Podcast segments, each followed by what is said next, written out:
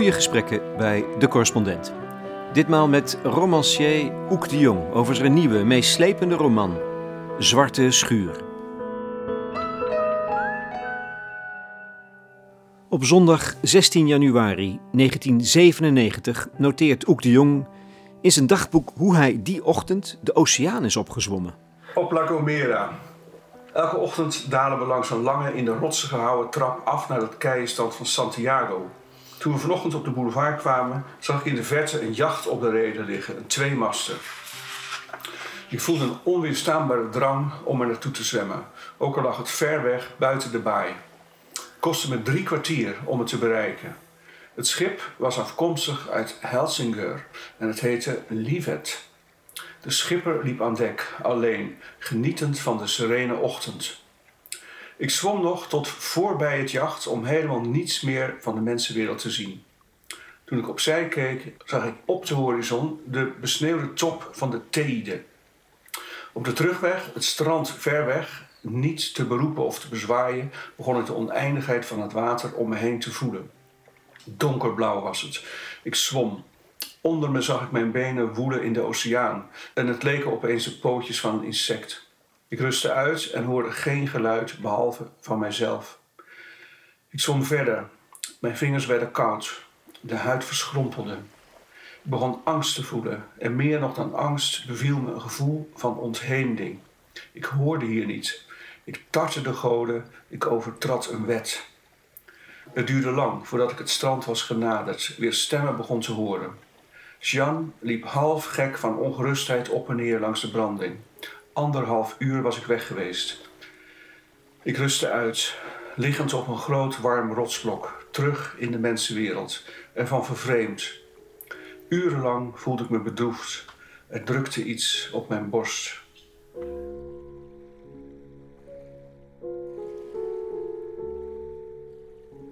...16 januari 1997. Het is meer dan twintig jaar geleden dat Oek de Jong deze passage noteerde in zijn dagboek Wonderen van de Heilbot. Fascinerend vind ik dat. Die scène die zo ingrijpend is, komt nu, twee decennia later, opeens terug in zijn nieuwe roman Zwarte Schuur. En als je die twee fragmenten naast elkaar legt, dat is dus het mooie, dan vang je een glimp op van het creatieve proces. Hoe gaat deze schrijver te werk? Een persoonlijke ervaring die getransformeerd wordt tot literair materiaal. Ook de Jong zegt vaak dat hij bij het schrijven van een roman diep in zichzelf afdaalt. En daarom neemt het schrijven ook zoveel tijd in beslag. Over Zwarte Schuur deed hij zeven jaar. Jij bent de eerste journalist overigens die dit, uh, die dit uh, ziet. Terwijl ik tijdens het schrijven natuurlijk uh, wist van hè, dit, ja. dit gaat iemand zien. Ja. dat ik een, een, een, zeg, een scène uit, uit mijn dagboek, uit mijn persoonlijk leven, dat die gewoon echt heel zichtbaar uh, gebruik in mijn, in mijn roman. Dat doe ik eigenlijk zelden of nooit. Maar dit vond ik zo'n uh, zo'n sterk motief, zo'n sterke scène, dat ik dacht: oké. Okay. Ja, maar dit is een van de heel weinige voorbeelden van, van iets wat ik. Uh, bovendien, ik had het uh, goed opgeschreven in mijn dagboek. heb, je terug, heb je teruggelezen? ja, dan kijk ik wel even natuurlijk, omdat bepaalde formuleringen zijn gewoon goed. Ja. Um, heel interessant vond, vond, ik dus zelf die, die, die gewaarwording van um, dat, dat, dat gevoel van immense nietigheid in die, in die oceaan. Dus dat je dan, je, je, rust en je ziet inderdaad je benen beneden je zo water trappen in, in, in de zee. Um, en je voelt je ongelooflijk nietig. En dat begint natuurlijk ook op de terugtocht. Hè. Op de heenweg ben je ergens naar, ga je ergens naartoe. En de angst begint pas uh, op, de, op de terugweg. Dus ik vond dat interessant. En wat nog interessanter vond misschien was wel wat ik dan dat gevoel van ontheemding noem. Um, dus terugkeren in de mensenwereld. Uh, weer op dat strand zijn uh, tussen ja, mensen en met alle geluiden die, die daarbij horen. En dan ineens tot het besef komen dat je op een bepaalde manier heel ver weg bent geweest. En dat je misschien iets hebt gedaan waarmee je dan, zoals ik dat noem, de goden hebt getart. Ja. Ja, dat is al één ding. Je overtreedt iets, maar alles zit erin. Mm. Er zit heel, heel veel van de roman, maar heel veel van uh, de, het wereldbeeld van Oek de Jong, vind ik. En van je schrijverschap. Oké, okay. leg eens uit. Um, let maar eens op, er, is ja. al, er zal altijd een moment zijn dat, dat iemand zo ver gaat als mm -hmm. hier. Ja. Voorbij de grens. Ja, het is wel een, een, een, een, een typische voor mij scène. Ja. Hè? Ja. Ik heb ook wel eens, eh, herinner ik me dit, aan Marcel Meuring verteld. Uh, romanschrijver, vriend van me. En die zei ook meteen, ja, dit is een typische scène voor jou. Dat klopt, ja. En waarom? Waarom? Ja, het is een grensoverschrijding. En dat is ook voor mijzelf is dat iets uh, merkwaardigs, omdat ik uh, uh, in het dagelijks leven helemaal geen wildebras ben. Ik ben, ik ben voorzichtig, of geneigd tot, tot voorzichtigheid. Ik wil controle. Ehm, dus ik, ik neig eigenlijk helemaal niet tot dit, dit soort extreme dingen. Maar ze doen zich uh, van tijd tot tijd wel voor in mijn leven. Uh, en heel vaak in relatie met water. Dus ik heb ook ergens in het dagboek beschrijf ik een, een, een zeiltocht. Ik heb een tijd een boot gehad in 74 en dan zeilde ik mee op het IJsselmeer. Voornamelijk als het erg hard waaide. Maar ja, hè, omslaan op het IJsselmeer met een, met een... Ik had een hele goede zeiler bij me. Ja, dat werd een heel riskant avontuur, omdat we die, die boot niet meer overeind konden krijgen. En we hebben daar een half uur in het water gelegen. Nou ja, als je onderkoeld raakt, dan gaat het heel snel. Um, maar we zijn eigenlijk gered door een, door een jachtje wat ons uh, daar zag ploeteren. En die hebben ons geholpen om, om, om die zeilboot weer overeind te krijgen, zodat we terug konden naar de haven. Dus dat soort scènes zitten wel ja. in mijn leven. Het heeft heel vaak met, met, ook met, ik heb een paar van dit soort ervaringen met zeilen. S'nachts op de IJssel heb ik een keer uh, een heel uh, uh, linker situatie gehad, bijna overvaren.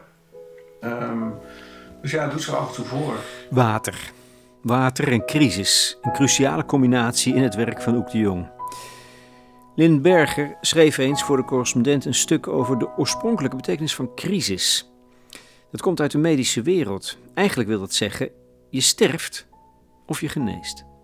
Dat moment waar het op aankomt. Het is, denk ik, iets waar Oek de Jong in zijn werk eigenlijk altijd wel vroeg of laat naartoe schrijft. Ja, dat is, dat is ja, grappig dat je het zegt. Dat is echt vanaf mijn allereerste roman het geval. Hè. Dus de slotscène van, uh, van Opwaaiende Zomerjurk. Daar is de hoofdpersoon in zijn eentje aan het zeilen. Um, hè. Hij, hij, slaat overboord en houdt tenslotte alleen nog de schoot van het grootzeil vast. Hè, waardoor hij zich uiteindelijk weer aan boord kan, kan trekken. En dat is echt een beslissing. Hè. Het boek eindigt met die woorden: Ik wil, ik wil, ik wil. Um, dus een, een keuze voor het leven, voor de vitaliteit.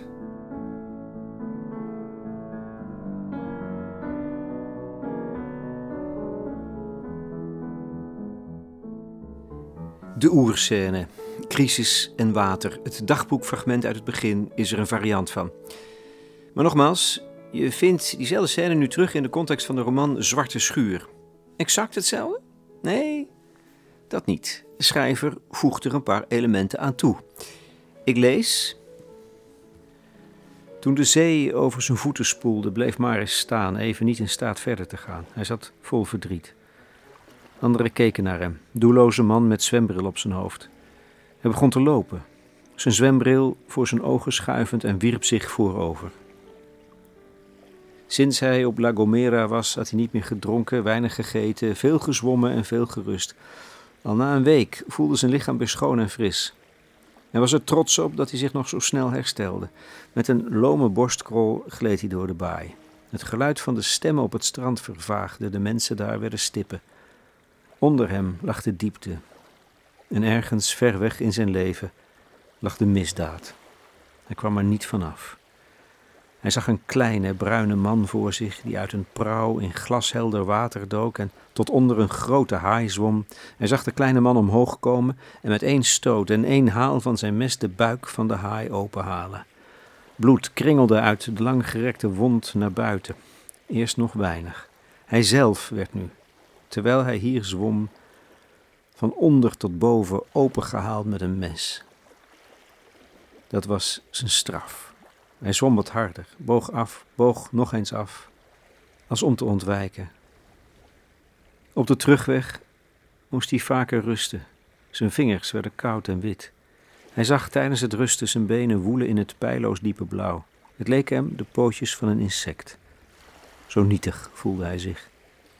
Hij ploeterde, moest zichzelf toespreken. Het duurde lang voordat hij het doffe geluid van de brekende golven weer hoorde, het gejoel van zwemmers, en terugkeerde in de mensenwereld. Ehm, wat gebeurt er in die scène?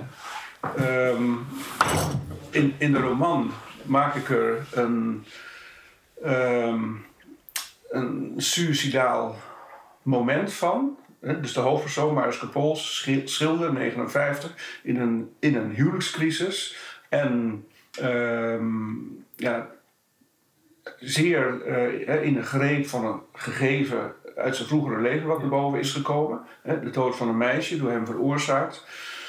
Um, aan het eind van zijn Latijn, na een aantal jaren heel hard werken, is, heeft dit iets suicidaals. Tenminste, dat, dat, dat leg ik erin.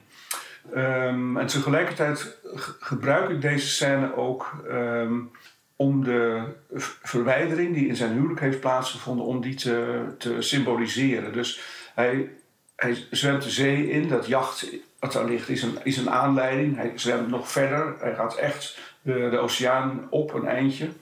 Ehm, en ik, ik gebruik die, die scène, die tocht, die zwemtocht, die gebruik ik om de, om de verwijdering in het huwelijk te illustreren als het ware.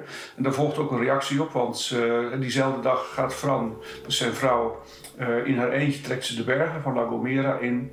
Uh, ze, en zij verwijdert zich ook heel ver van hem. En ze komt s'avonds pas om een uur of elf, twaalf in het stikke donker komt ze, komt ze terug. En dan is het Maris die eh, gek van ongerustheid en woede heen en weer loopt.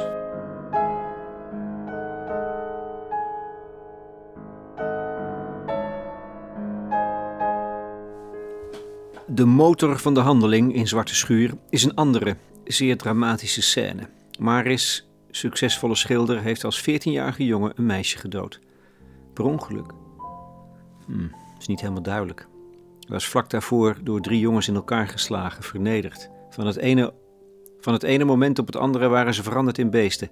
Nu voelt hij zich, het speelt zich af in zo'n typisch Zeeuwse grote zwarte schuur, in het nauw gedreven door dat meisje en stoot hij haar van zich af. Het was of een enorme kracht uit zijn hand spoot. Die daad zal hem zijn leven lang achtervolgen. Dus ik ben echt iemand die een, die een opera maakt. Hè. Ik, ik zoek naar drama, omdat ik, um, ja, ik wil heel diep afdalen in, hè, in, in, in de menselijke geest. En daar heb je absoluut drama voor nodig. Dus je, en je moet ook dat lef hebben, vind ik, om als romanschrijver dit soort, uh, dit soort scènes te schrijven, dit soort situaties te creëren.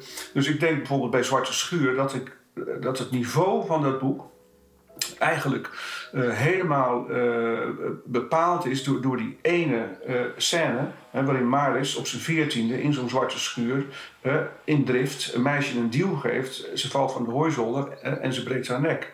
En dat bepaalt de, de rest van zijn leven. Dat is een ja, dat is natuurlijk een hele enge scène om te schrijven. Die heb ik al zes of zeven keer overgedaan om hem helemaal precies goed te krijgen. Ik heb heel lang gezocht naar die ene zin uh, die dat meisje tegen hem zegt. Hè, waardoor hij opnieuw, hè, nadat hij al een week geleden door drie jongens in elkaar geslagen is, waardoor hij opnieuw vernederd wordt.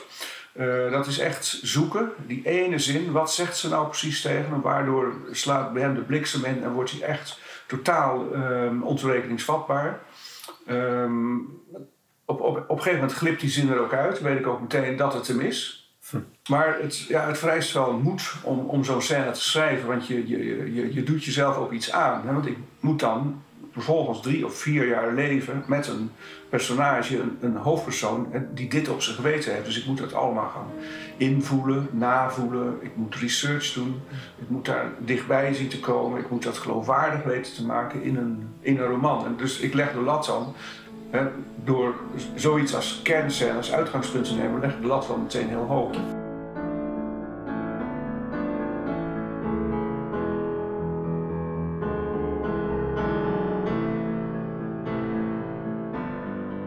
Ja, een ander aspect is dat ik het, um, uh, dat gewoon heel mooi vind om, um, ja, om, om ervaringen die, die ik heb, hè, ook zelfs hele kleine observaties, om die uh, te vereeuwigen in een boek. Want zo, zo, zo voel ik het. Hè. Het woord vereeuwigen is natuurlijk uh, veel te groot, maar het, um, ik transformeer het en ik, ik geef het een plaats in een, in een, in een literaire tekst, in iets wat ik uiteindelijk als een kunstwerk beschouw. Ja, dat is altijd die zin van, van Baudelaire, hè, wat hij zei over zijn gedichten. Jullie gaven mij modder en ik heb er goud van gemaakt. Dat vind ik een fantastische zin. Er zit een mooi pathos in, maar het is wel... Uh, het, slaat ook op wat ik zelf doe in mijn proza. Dus ik benader mijn, mijn zinnen eigenlijk ook uh, met de precisie van een dichter. Het ritme moet goed zijn, het moet helemaal... Ja, het, moet, het moet vloeien, het moet stromen, het moet, uh, het moet volkomen vanzelfsprekend lijken. Heel eenvoudig. Um, eh, maar het is met enorme uh, precisie gemaakt. Ja. En daar zit ook dat, dat element in van, van die transformatie. Dus, dus de, de, de chaos van het dagelijks leven, dat is het eigenlijk. Hè? Niet de modder, maar de chaos van het dagelijks leven. En daar pik je dingen uit, eigen ervaringen. Um, en die transformeer je tot een, tot een roman.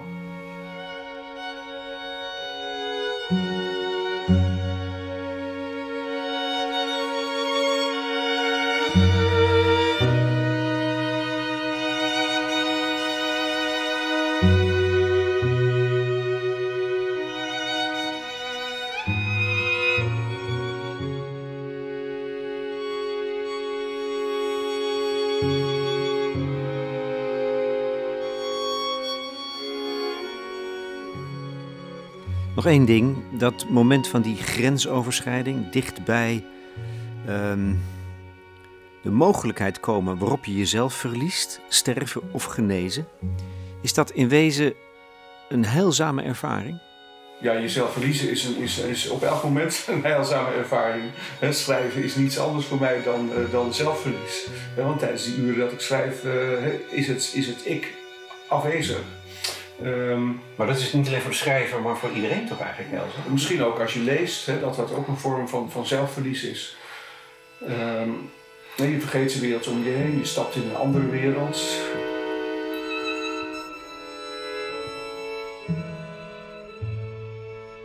Waarom is water zo belangrijk voor jou? Dat is al 40 jaar zo. ik weet het ook nog steeds. Ik weet het nog steeds niet. Ik bedoel, ik heb wel.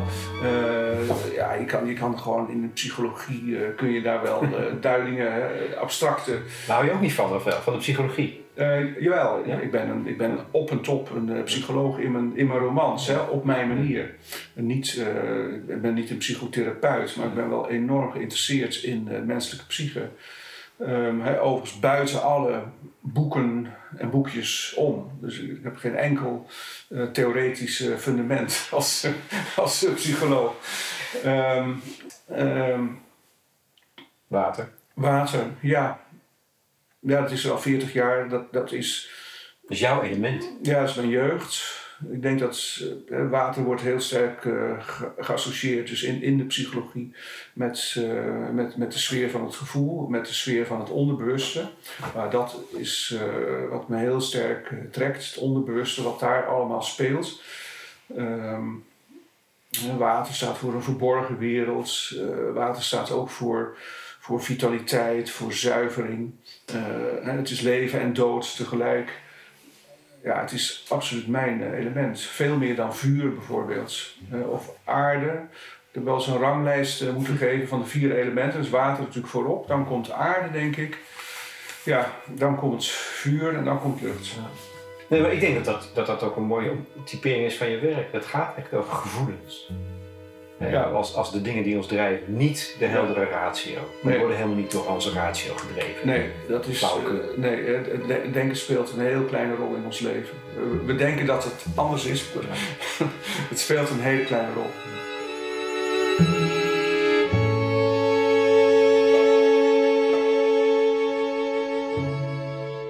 Wat mij in het schrijverschap van Oek de Jong en ook nu weer in Zwarte Schuur altijd bijzonder aanspreekt, is die intense zintuigelijkheid van zijn stijl. Ik vraag hem om een alinea te lezen, maar betrekkelijk willekeurig gekozen. Marius denkt terug aan zijn jeugd op het, op het eh, Zeeuwse dorp. Hij zou met zijn vader zijn gaan vissen bij de kreek buiten het dorp. En op de steiger voor de vissershut zou hebben zitten tekenen. Op de dijk stond de Mercedes in de berm. Bij thuiskomst de geur van het vlees dat zijn moeder voor het weekend had bereid. Tijdens het middageten lag het dorp er uitgestorven bij. Je kon de mussen horen chilpen. Dorpse rust, dorpse saaiheid. Smiddags werkte zijn vader in de moestuin achter het huis. De spa van zijn vader, die de vette zeeklei inging, krassend langs schelpresten. Een paar huizen verderop vlogen de duiven van Matties vader klapwiekend op in een wolk van grijs en blauw. Ze draaiden cirkels boven de tuinen, verdwenen in een langgerekte slier boven de velden en keerden terug, dalend naar het grote duivenhok op palen. Dit soort observaties Ja. bedoel jij? Dat is bedwelmend. Ja. Ja, het gaat totaal vanzelf.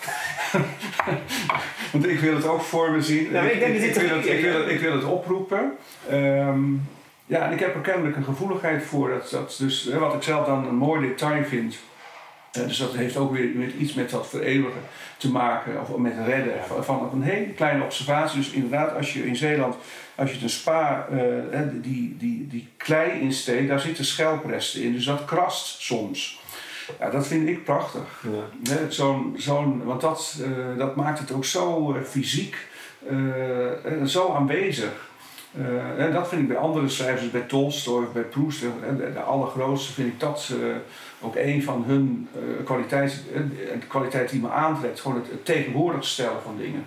Het is toch ook een soort van zijn, een, aard van zijn, denk ik. Die bijna, Het is, lief, het is liefde voor de dingen, denk ik. Dat alles eigenlijk, eh, dat je alles eh, prachtig kunt vinden. Dat alles, alles me interesseert eigenlijk. Ehm, eh, het is ook zo'n zo'n zo'n zo'n zo'n spa die de grond ingaat en dan langs die schelprest eh, krast. Ja, dat vind ik prachtig. Ehm, en, en ik vind het dus ook prachtig om het vast te leggen in zinnen. Dus die duiven, ehm, dat, is, dat is natuurlijk een hele bepaalde beweging. Dus die, stijgen zo op en dan ineens verandert zo'n zo'n groep duiven in een sliert. En dan verdwijnen ze bijna uit het zicht en dan komen ze terug. En dan cirkelen ze nog een paar keer zo snel boven dat dorp. En dan, dan, dan dalen ze weer neer. Er staat die man dan met zijn armen uitgespreid en zijn landen zo op zijn... eh, ja, ik vind het ook een, eh, een genot om, om zoiets in zinnen te vatten. Ja, dat zijn al die, die eh, eh, zogenaamd kleine dingen. Hoe komt dat dan? Hoe komt het dan dat het zo'n impact heeft? En dus ook in jouw werk zo'n impact. Ik denk dat dat. ehm, eh, ik denk dat het iets met verbondenheid te maken heeft. Dus dat je je, je voelt je verbonden met, met de wereld om je heen. Door wat je hoort en door wat je ziet en, en waar je van houdt, ook op dat moment. Dat loopt via onze zintuigen, en Ja. niet via onze, onze gedachten. Ja, het is, het is, een, het is een beeld. ehm, het is zintuigelijk en, en het is ook iets eh, subliems, denk ik. Dus het, het, het, het, ja, het, en het is schoonheid.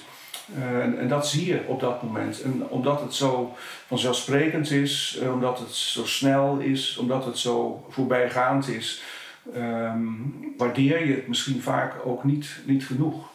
Soms is het moment dat je het echt helemaal voelt, meestal als je alleen bent. ehm, maar vaak ja, flitst het gewoon langs en dringt het niet, niet voldoende door. Terwijl die momenten ehm, van, van iets subliems of van, van een schoonheid. ehm, ik liep gisteren hier in Amsterdam, eh, stak ik de Dam over. Dus een van de rotste en slechtste plekken van de stad op dit moment. Waar ik gewoon, hè, waar mijn dagelijkse route, eh, dus ik moet daar doorheen.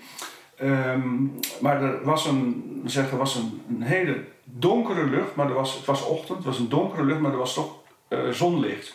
En dan krijg je, eh, door dat donkergrijze van de lucht, krijgt dat zonlicht iets schels, iets fels. En dat viel dus op, het eerste wat ik zag was dus de torenspits op de, op de Nieuwe Kerk. Die is dan, ik hou enorm van dat grijs, wat je dan op die daken ziet en op die spitsen. Dat vind ik een geweldige uitvinding. Het ging natuurlijk gewoon, ze gebruiken lood. Maar er zitten eh, ook andere materialen, dus het is, het is ook gewoon praktisch. Maar ja, dan, dan ben ik echt helemaal gefascineerd door, door, het, eh, door het licht wat ik dus op de daken en de torenspits van de nieuwe kerk zie. Dan loop ik zo met mijn hoofd eh, omhoog, zo lang mogelijk, loop ik daarnaar te kijken. En dan ben ik me wel echt heel erg bewust eh, van dat moment. Hè? En het is ook een manier om door die toeristenmassa heen te komen. Ja, je gaat ergens in op. Ja, Ja, het is ook een vorm van zelfverlies. Ja, en ik vroeg me op dat moment ook af van, hè, het is echt een, een schildersblik die je op dat moment hebt. Mensen die met visuele kunst bezig zijn, die, die, die, zien dat sowieso. Ik denk anderen ook. Ehm, maar ja, wat, wat is daar nou zo... eh, lichtval is natuurlijk een van de dingen die ons het meest eh, trekt. Je kunt gewoon een, je kunt een, je kunt een, een appel aan een boom zien hangen, dat kan fantastisch zijn, maar het heeft toch heel vaak ook met lichtval te maken. Ook als je in eh, Amsterdam, ik woon ongeveer 30 jaar op dezelfde plek, Ik zie hier nog steeds eh, nieuwe dingen. Ik zie steeds weer huizen die me nooit eerder zijn opgevallen. Dat heeft toch wel heel vaak met lichtval te maken.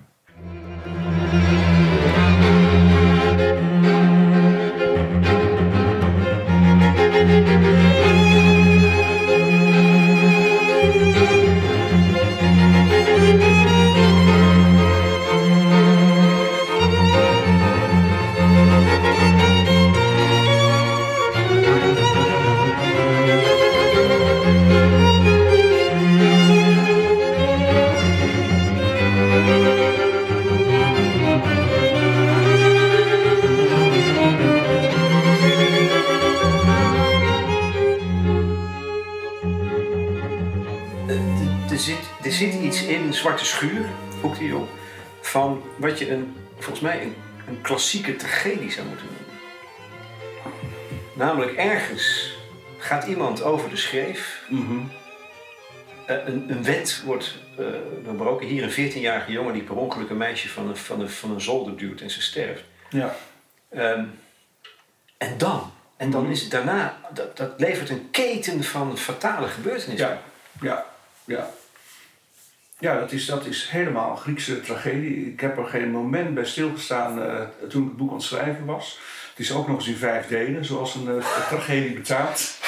Met een expositie. ja, met een expositie. Ja. ja. ik ken de Griekse tragedie natuurlijk wel. Ik heb dat lang geleden, heb ik Aeschylus en Euripides en dat, dat soort mensen heb ik wel, heb ik wel gelezen. Het is geen onbekend terrein uh, voor mij. Dus dat, zit ook ergens natuurlijk. Hè. En ik heb een gymnasiumopleiding gehad, dus dat zit natuurlijk wel in mijn systeem. Dat, uh, ongetwijfeld. Ja, dat, dit, dit is het systeem eigenlijk van de, van de, of de, de, de, de dynamiek van de tragedie. Is, is dit eigenlijk gewoon één kleine, fatale of één grote, fatale gebeurtenis. Hè, die, die een enorme keten um, van, van gebeurtenissen uh, met, met, met zich meebrengt. Ja, en ik, dat begon ik tijdens het schrijven eigenlijk steeds uh, ja, aangrijpender te vinden. Een, een jongen van 14 uh, in, een, in een erotische verwarring met dat meisje. Um, zij dringt zich aan hem op, hij weet er geen raad mee, duwt haar van zich af. Het is iets heel kleins. Ja, en ja, in, een, in, een, in een driftbui ja. Um, ja, veroorzaakt hij, hij de dood van dat meisje. En die ene gebeurtenis, ja, dat, dat wordt de, bron van zijn kunst. Ehm, maar het, het tekent zijn, zijn hele leven. Dus ik heb me ook uh, um, ja, echt ook weer verdiept in uh, Shoah-slachtoffers. Dus mensen die, die leven met een schaduw. En met, met herinneringen die eigenlijk te groot voor ze zijn. Die ze niet aankunnen. Die ze met heel weinig mensen kunnen delen. Um, traumatische verschijnselen bij Maarders, zoals nachtmerries. in die nachtmerries op zijn tong bijten de nabijheid van meisjes van 13, 14 jaar heel slecht kunnen verdragen. Daar ben ik uh, ingegaan. Het huiveringwekkende is, als je verwijst naar de Shoah, dan is dat inderdaad meteen zo groot. Maar dit is een, een, jongen op het, op het land, op, op, op, het is het Zuid-Beverland, die iets, iets stoms doet. Mhm. Dat is zo huiveringwekkend. Ja. Ja. Dat het, en dat kan ons dus werkelijk allemaal overkomen. Ja. Hè? Ja, maar in verbinding met de show is natuurlijk niet het, eh, het gewicht hè, van, van de gebeurtenis, maar gewoon het, het type, le het type leven wat, hè, wat overlevenden uh, hebben. Uh, en vooral die, die schaduw die, die altijd uh, over je leven ligt. Je kunt het een tijd vergeten, hè, maar dan is het er weer. Um, het is juist ja. het kleine, niet, niet, Ja, het is, niet een, het is geen misdaad. Hè, het is wel een misdrijf, denk ik, in juridische termen.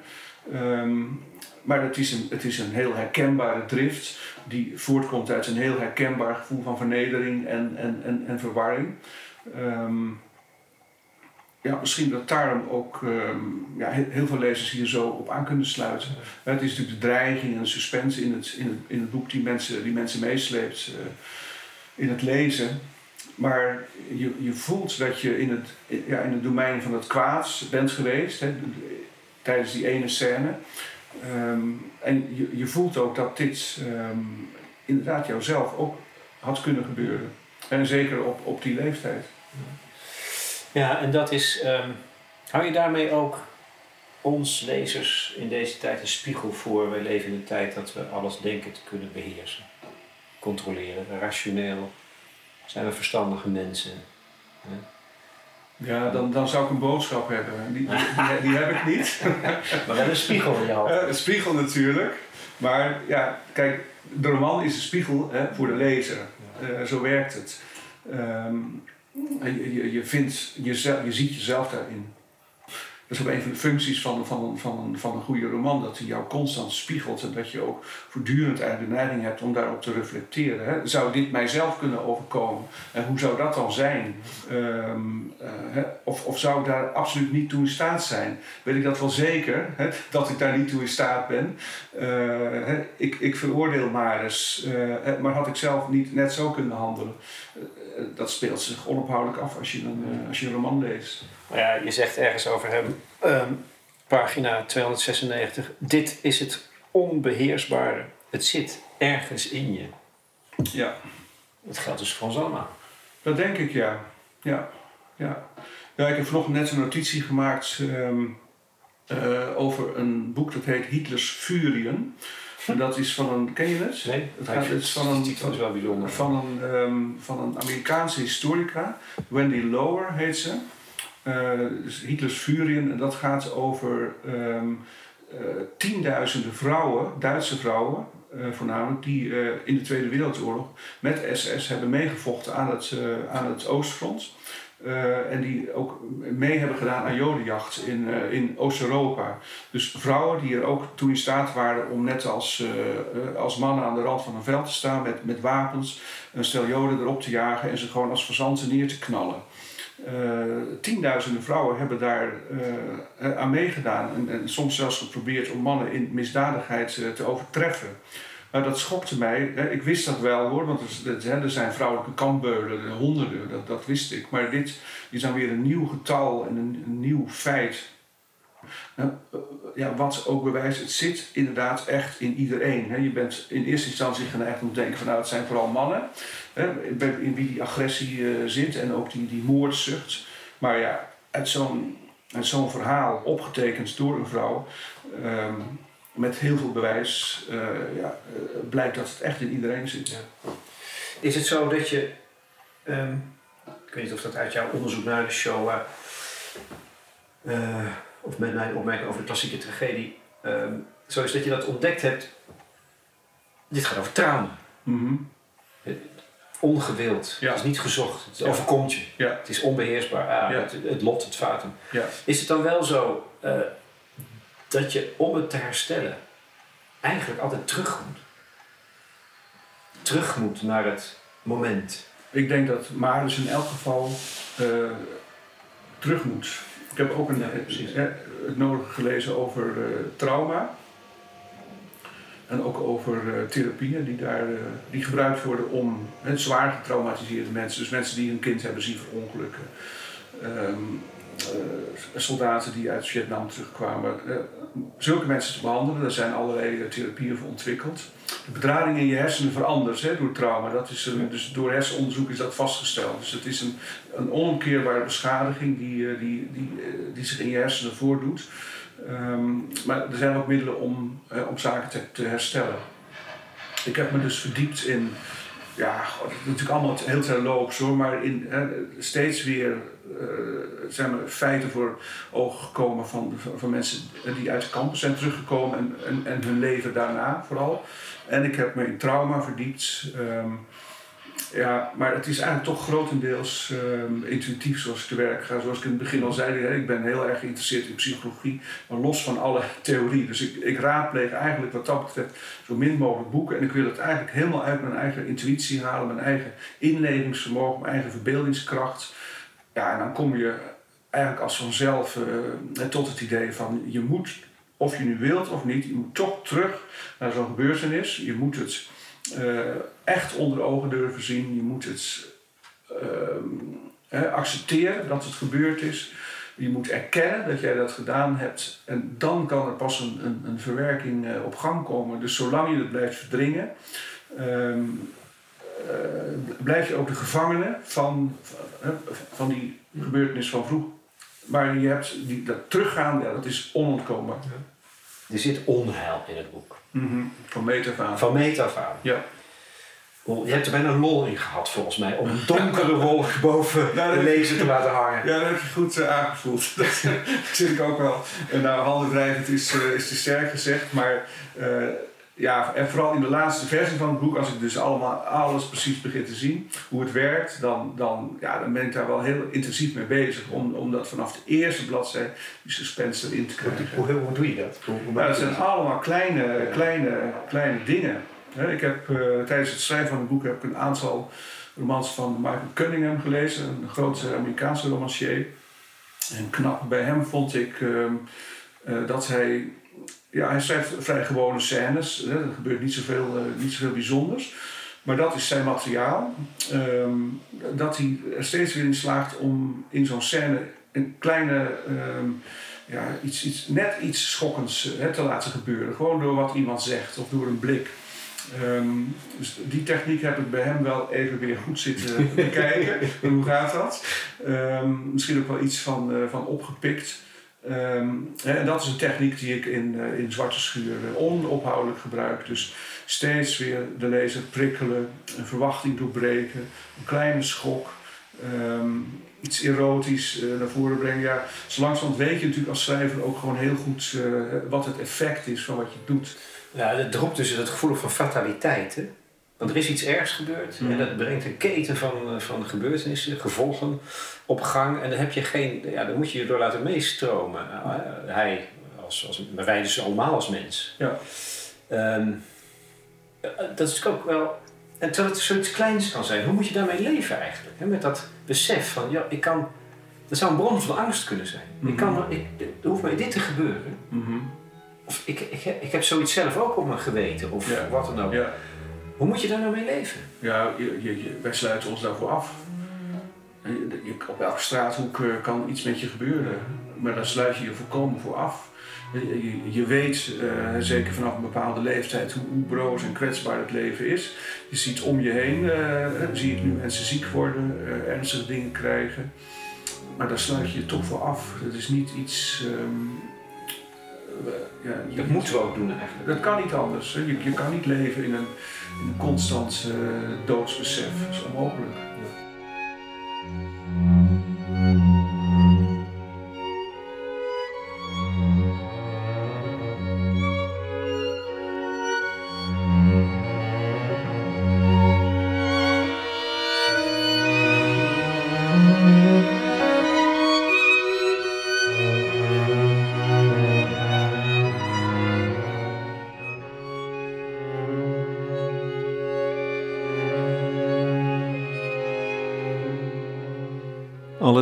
Zorgvuldig opgebouwde voorvoelen van onheil culmineert in de huwelijkscrisis die Maris en Fran doormaken. Het gruwelijke, tragische ongeval in de jeugd van Maris in Zeeland zet de boel extra onder druk. De spanning wordt steeds groter. Ze zijn twintig jaar bij elkaar. Waarom staan ze op het punt om hun liefde te verliezen eigenlijk? Ik denk dat er een aantal hele banale redenen zijn. Ze zijn twintig jaar bij elkaar, dus dat is een vorm van slijtage. Um, Maris die richt zich een jaar lang volledig op die grote retrospectief in het Stedelijk Museum, waarvoor hij ook nog nieuw werk wil maken. Um, Fran uh, is op een leeftijd gekomen dat ze zich ja, uh, oud voelt worden en het gevoel heeft, ik ben niet meer aantrekkelijk voor, voor Maris. Tegen de 60. Tegen de 60 is zij. En dus ja, beschrijft ook af en toe hoe ze naar zichzelf en naar, naar, een rimpelende huid staat te kijken. Um, ze, en ze, ze, is bang dat ze in de steek gelaten zal worden. Ze is bang dat Maris met zijn jongere vrouw door zal gaan. Dat, zijn een cliché, dat zijn, cliché bijna. Ja, het zijn allemaal banale, allemaal banale dingen, maar gewoon, het zijn wel realiteiten hè, waar iedereen uh, mee te maken heeft. Een, een, een, seksuele verhouding die, die stagneert. Um, dat is natuurlijk wel een heel belangrijk uh, element. Dan is een, een essentiële verbinding is, uh, is, uh, is weg. Ja, het is, het is eigenlijk niet, niet, um, niet, niet spectaculair. Het zijn hele, de hele gewone dingen. Maar ja, daar, die gewone dingen, die hebben juist ook heel veel diepte. ik heb natuurlijk ook gedacht van, ik laat een van en tweeën of hen allebei, ik laat ze vreemd gaan, hè, dus met een ander. Dat vond ik uh, meteen veel minder interessant. Um, ja, dan heb je het weggeredeneerd eigenlijk. ja, hè, ik vond het veel interessanter om, om ze gewoon trouw te laten zijn aan elkaar. En eh, zich met z'n tweeën door die crisis heen te, te, te werken. Ehm, het gaf ook dramatisch veel meer spanning. Ehm, bovendien kom je met vreemdgaan, ja, dan kom je in een heel ander pakket. En dat, dat interesseerde me op dat moment uh, niet. Um, een, een, man die, die zit te kijken van, naar, naar, naar, jonge vrouwen en, en eigenlijk pas op zijn 59ste uh, goed kan zien hoe ontzettend leuk vrouwen op een bepaalde leeftijd zijn. als je alle verwarring te boven bent, um, dan ga je dat pas, pas helder zien. Dan is het natuurlijk ook te laat. Um, ja, en daar, daar de dieptes in, in ja. vinden, de, de pijn, het verdriet, um, dat laten zien. En dat is natuurlijk een parallel aan dat klassieke idee van de, de, de tragedie. Het, is het onbeheersbare. Mm -hmm. Dit is ook onbeheersbaar. onbeheersbaar. Ja, ja. Ook liefde is dus niet beheersbaar. En, we, en, nee. en, we, en dat is misschien een, een platitude, ja. maar volgens mij denken we dat allemaal wel, ja. als je erin zit. Ja, ja alle, alle grote belangrijke dingen in het leven overkomen je, denk ik. De uitdrukking zegt het al, je valt voor iemand. Dus daar komt geen wil of geen denken of geen keuze komt daar uh, aan, aan te pas. Uh, alle belangrijke dingen overkomen je. Um, en dat, dat is ook het uh, terrein van de, van de romanschrijver, denk ik. Het, het onbeheersbare. En dan, de finale. Dan zet je alles, je hebt alles erin gezet. Om dat, om, om dat onheil binnen die twee mensen, man en vrouw, zo dreigend mogelijk te maken. En ik las het, het hele boek steeds met het idee, ja, dat, dat, nu gaat het zwaard vallen een keer. Mm -hmm. Maar welk zwaard bedoel jij? Nou ja, dat er iets verschrikkelijks gebeurt. Ja. Nog dat verwacht je. Ja, nog, ja, een nog iets iets. Je verwacht dat. Ja. Als antwoord op wat er ooit gebeurd is, of, of door de ontwrichting, of door de pijn, of door het. Ja. En het komt niet. Mhm. Nou, het, het, ik, ik buig het verhaal aan de andere kant op. Ja. Hè? Ja, dat is de grote, vind ik een grote verrassing. Ja, ja.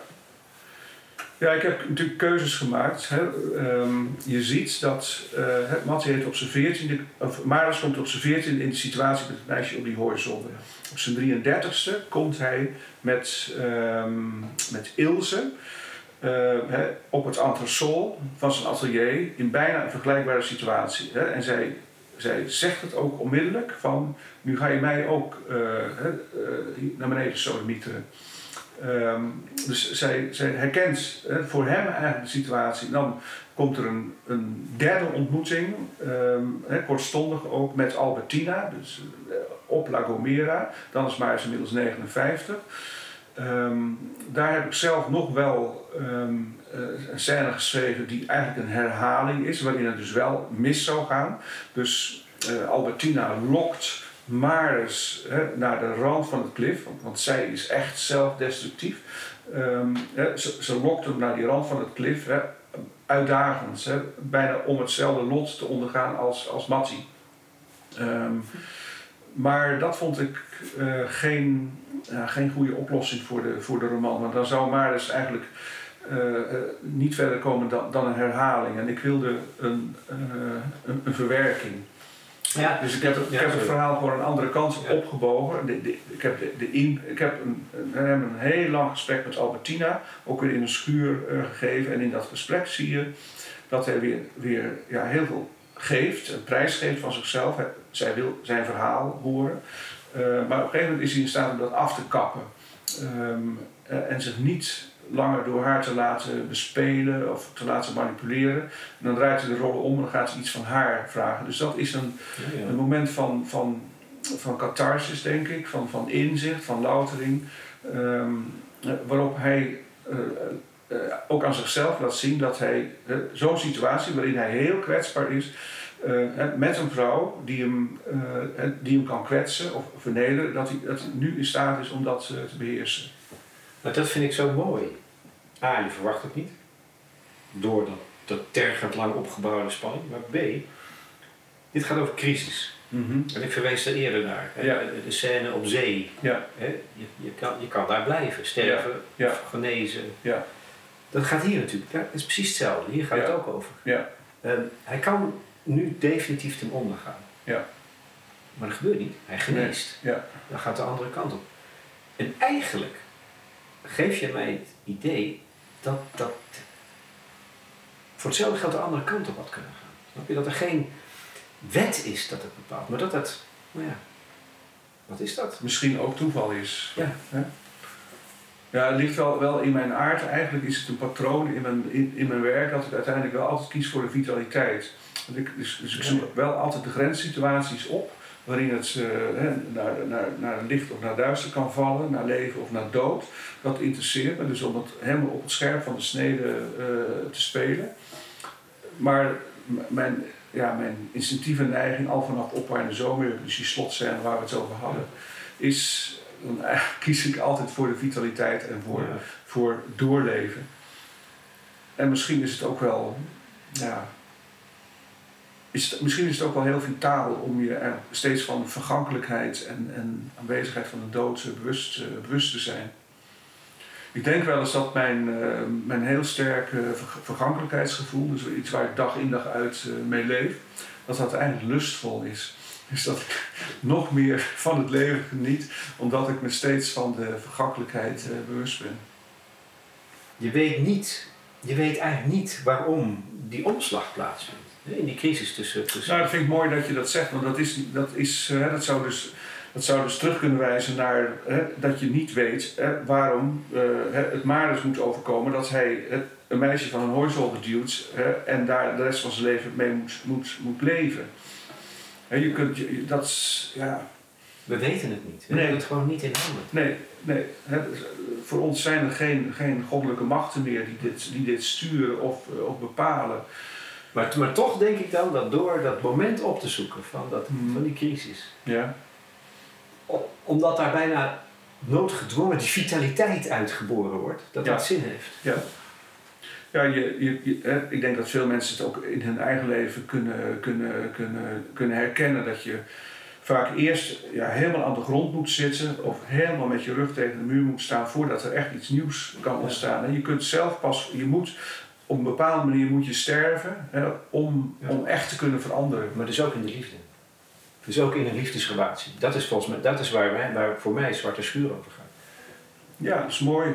Um, ja, ik denk dat, dat, dat je dat wel nodig hebt. Dat er, dat er iets, iets moet afsterven misschien ook. Of dat je, dat je zelf op een nulpunt moet komen. Uh, jezelf moet verliezen. Dat je het, een punt waarop je het absoluut niet meer weet.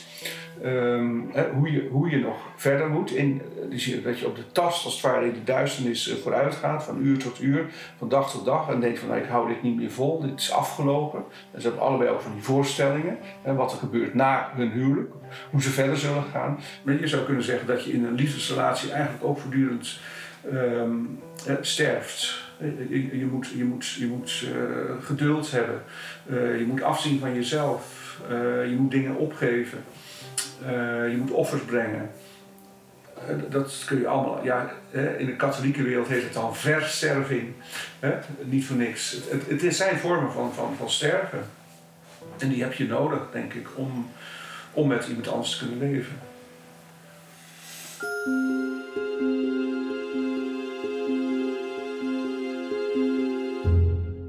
Oek de Jong in gesprek met Lex Bolmeijer over zijn nieuwe roman Zwarte Schuur voor de correspondent. Reacties kunnen jullie kwijt op het platform. Morgen, zondag 17 november, is er om half 1 een openbaar gesprek met Marianne Donner over haar zelfverwoestingsboek in Den Haag, Theater aan het Spui. Jullie zijn welkom.